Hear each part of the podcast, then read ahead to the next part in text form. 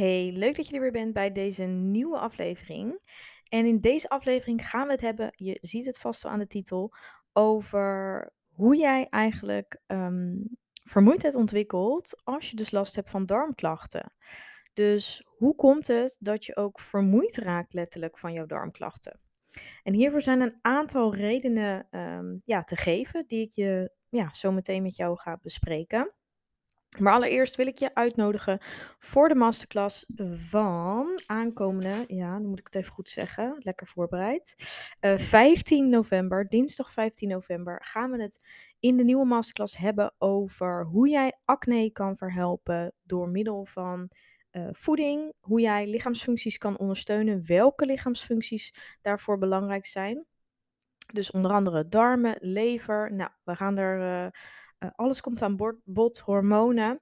Uh, dus vijf concrete stappen hoe jij acne kan verhelpen van binnenuit. Ik ben absoluut geen huidexpert van de buitenkant, maar ik weet wel heel goed wat je kunt doen om acne te ondersteunen uh, van binnen. Dus dat is wat we gaan bespreken.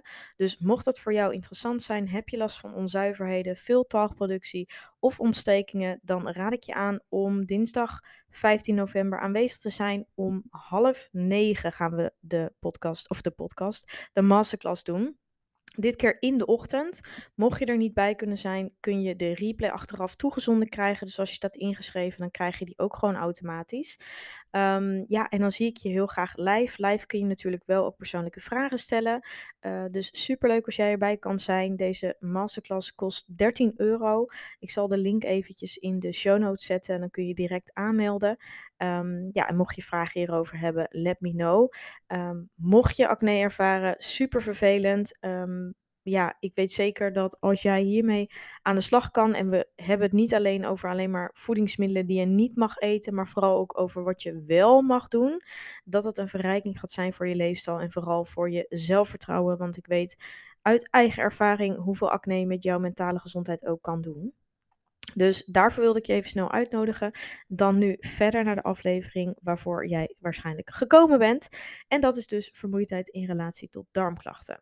Nou, allereerst, um, hoe kan het dat die vermoeidheid ontstaat?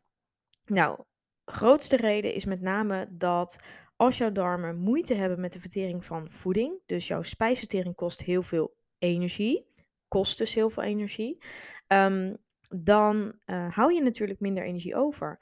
En spijsvertering is sowieso een functie die dus energie kost, altijd. Of het nou hè, met of zonder darmklachten. Dus het is altijd een proces dat energie kost, net als eigenlijk alle andere lichaamsfuncties. Um, alleen als dat, dat dus minder goed werkt, dus als jouw spijsvertering nog meer moeite heeft met het ja, verteren van bepaalde producten, triggers, misschien gevoeligheden of zelfs um, allergieën die je beter natuurlijk niet kan eten, of eigenlijk totaal niet kan eten. Jouw lichaam heeft daar meer moeite mee, dus daardoor wordt er ook meer energie gevraagd. Dus dat is sowieso de eerste reden. Uh, dit veroorzaakt natuurlijk dus uiteindelijk ook de klachten, omdat het zo moeilijk, dat proces zo moeilijk verloopt. Um, ja, kun je dus ook buikpijn, buikkrampen, etc. ervaren. Uiteindelijk ook vaak opgeblazen buik. En dat uitzicht natuurlijk in steeds meer klachten.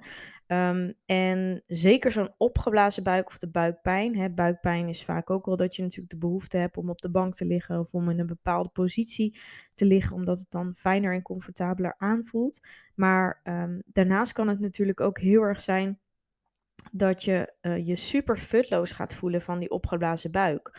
En dat is natuurlijk ook omdat, doordat je voeding dus niet goed verteert, duurt het ook veel langer dat um, jouw lichaam daar dus mee bezig bent. Dus normaal gesproken is de bedoeling dat jouw lichaam bezig is met die spijsvertering als je dus aan het eten bent. En hè, daarna is het ook heus nog wel wat aan het verteren.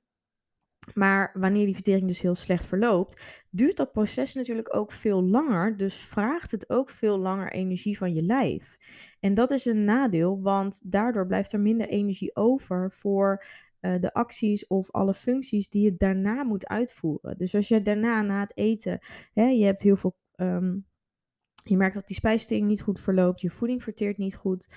Eh, en je wilt bewijzen van na het eten iets heel actiefs gaan doen, dan merk je vaak dat dat niet lekker gaat. Ten eerste kan dat dus nog meer klachten geven, maar ten tweede ben je ook gewoon futloos en heb je gewoon weinig energie, vaak ook gewoon letterlijk minder zin om dingen te ondernemen. Kun je zelfs zo'n after dinner dip ervaren en zo hou je eigenlijk die cirkel in stand.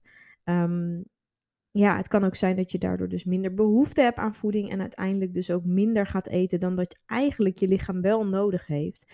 En dat is gelijk oorzaak 2. Op het moment dat je veel klachten hebt of veel reactie hebt van bepaalde producten, kan het zijn dat je daardoor dus minder gaat eten. Dit is een hele vervelende, want uh, bij ernstige klachten kan het dus letterlijk zo zijn dat je een aversie krijgt voor voeding. Uh, zowel fysiek als mentaal. En dan ja, komt er natuurlijk ook veel minder voeding binnen, waardoor het ook kan zijn dat je letterlijk gaat afvallen en dus heel weinig energie hebt om um, ja, alles te kunnen doen wat je wil doen. Dus de algemene energie uh, gaat gewoon naar beneden, wat invloed heeft op hoe jij, um, ja, hoe jij je voelt en wat je kunt doen uh, in je leefstijl.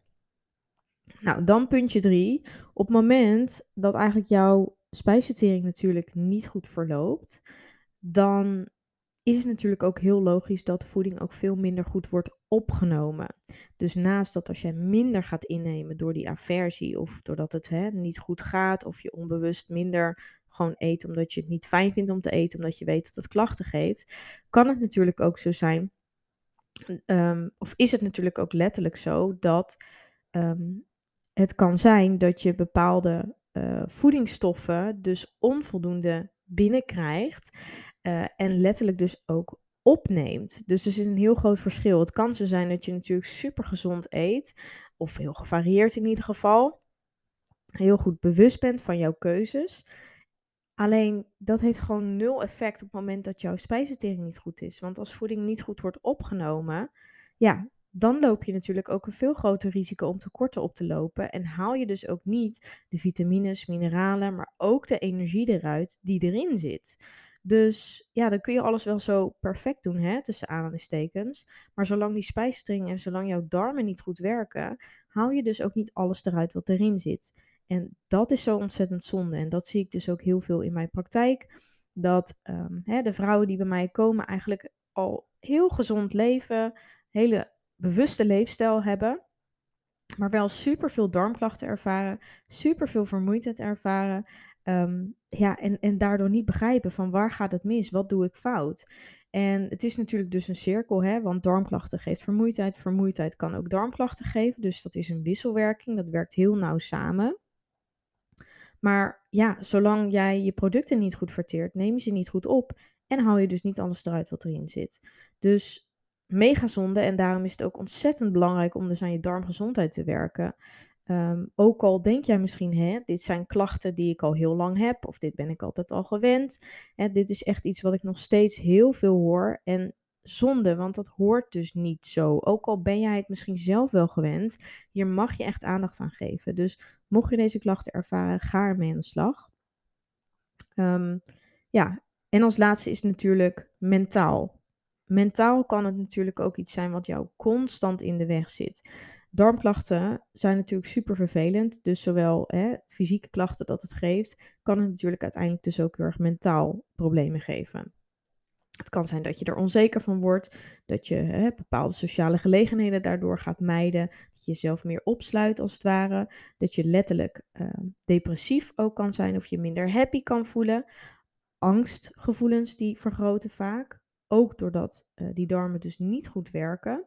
En dit is niet alleen uh, mentaal wat iets bij diegene in het hoofd zit, maar bij darmklachten is het ook letterlijk zo dat we minder gelukshormonen aanmaakt, aanmaken, omdat 90% van serotonine, dat is ons gelukshormoon, voor Ja, die, dat wordt ook in de darmen aangemaakt. Dus serotonine wordt voor 90% in de darmen aangemaakt. Als die darmen niet goed werken of als er een energietekort is, dan komt dit ook op een heel laag pitje te staan. Omdat Gelukshormoon is iets wat wij als mens niet nodig hebben om te overleven. En als er dus een energietekort is, dan, is het, ja, dan geeft het lichaam daar als allerlaatste de aandacht aan. Dus zal je ook merken dat je dus gewoon letterlijk minder ja, happy in je vel gaat zitten. Dat je meer kritisch bent op jezelf. Um, ik weet dat veel vrouwen, en dat is ook mijn eigen ervaring, zich ook hè, voller gaan voelen dan dat ze eigenlijk zijn, doordat ze constant opgeblazen gevoel hebben. Nou, dat geeft weer die futloosheid. Um, mentale klachten geeft, kost weer heel veel energie. En zo kom je steeds verder in die vermoeidheid. En zo op een gegeven moment kan je dus echt chronisch vermoeid voelen kan je moeite hebben met slapen, om in slaap te komen, omdat die klachten aanwezig zijn, zowel mentaal als fysiek. Heb je moeite met opstaan en is het dus ook letterlijk moeilijk om de dag door te komen. En iedere maaltijd lijkt het wel steeds erger te worden. Um, en zeker een opgeblazen buik wordt per maaltijd vaak dan erger. Zeker in combinatie ook met obstipatie. Um, en zo zijn er natuurlijk een tal van darmklachten die heel veel mensen ervaren. Maar vooral dus ook in combinatie met ja, energietekort. En dat wil ik wel gewoon aankaarten. Dat we vaak heel erg kijken naar alleen, hè, ik voel me vermoeid of ik ben niet zo fit of ik ben niet zo energiek. Maar kijk eens verder. Welke klachten heb jij nog meer? Zijn er nog andere dingen? Want zo kun je naar de oorzaak uh, gaan kijken. Hè? Want het kan zijn, tuurlijk, er zijn nog ontelbaar veel andere uh, factoren waardoor jij je vermoeid kan voelen. Dus dat is zeker iets om verder onder de loep te nemen. Maar mocht je dit herkennen, mocht je dus ook ja, specifiek die darmklachten ervaren, dan is dat dus ontzettend logisch. Dan is eigenlijk die vermoeidheid vaak niet eens het probleem losstaand, maar is vooral die darmen die jij mag aanpakken. Dus ga aan de slag met de echte oorzaak van jouw probleem.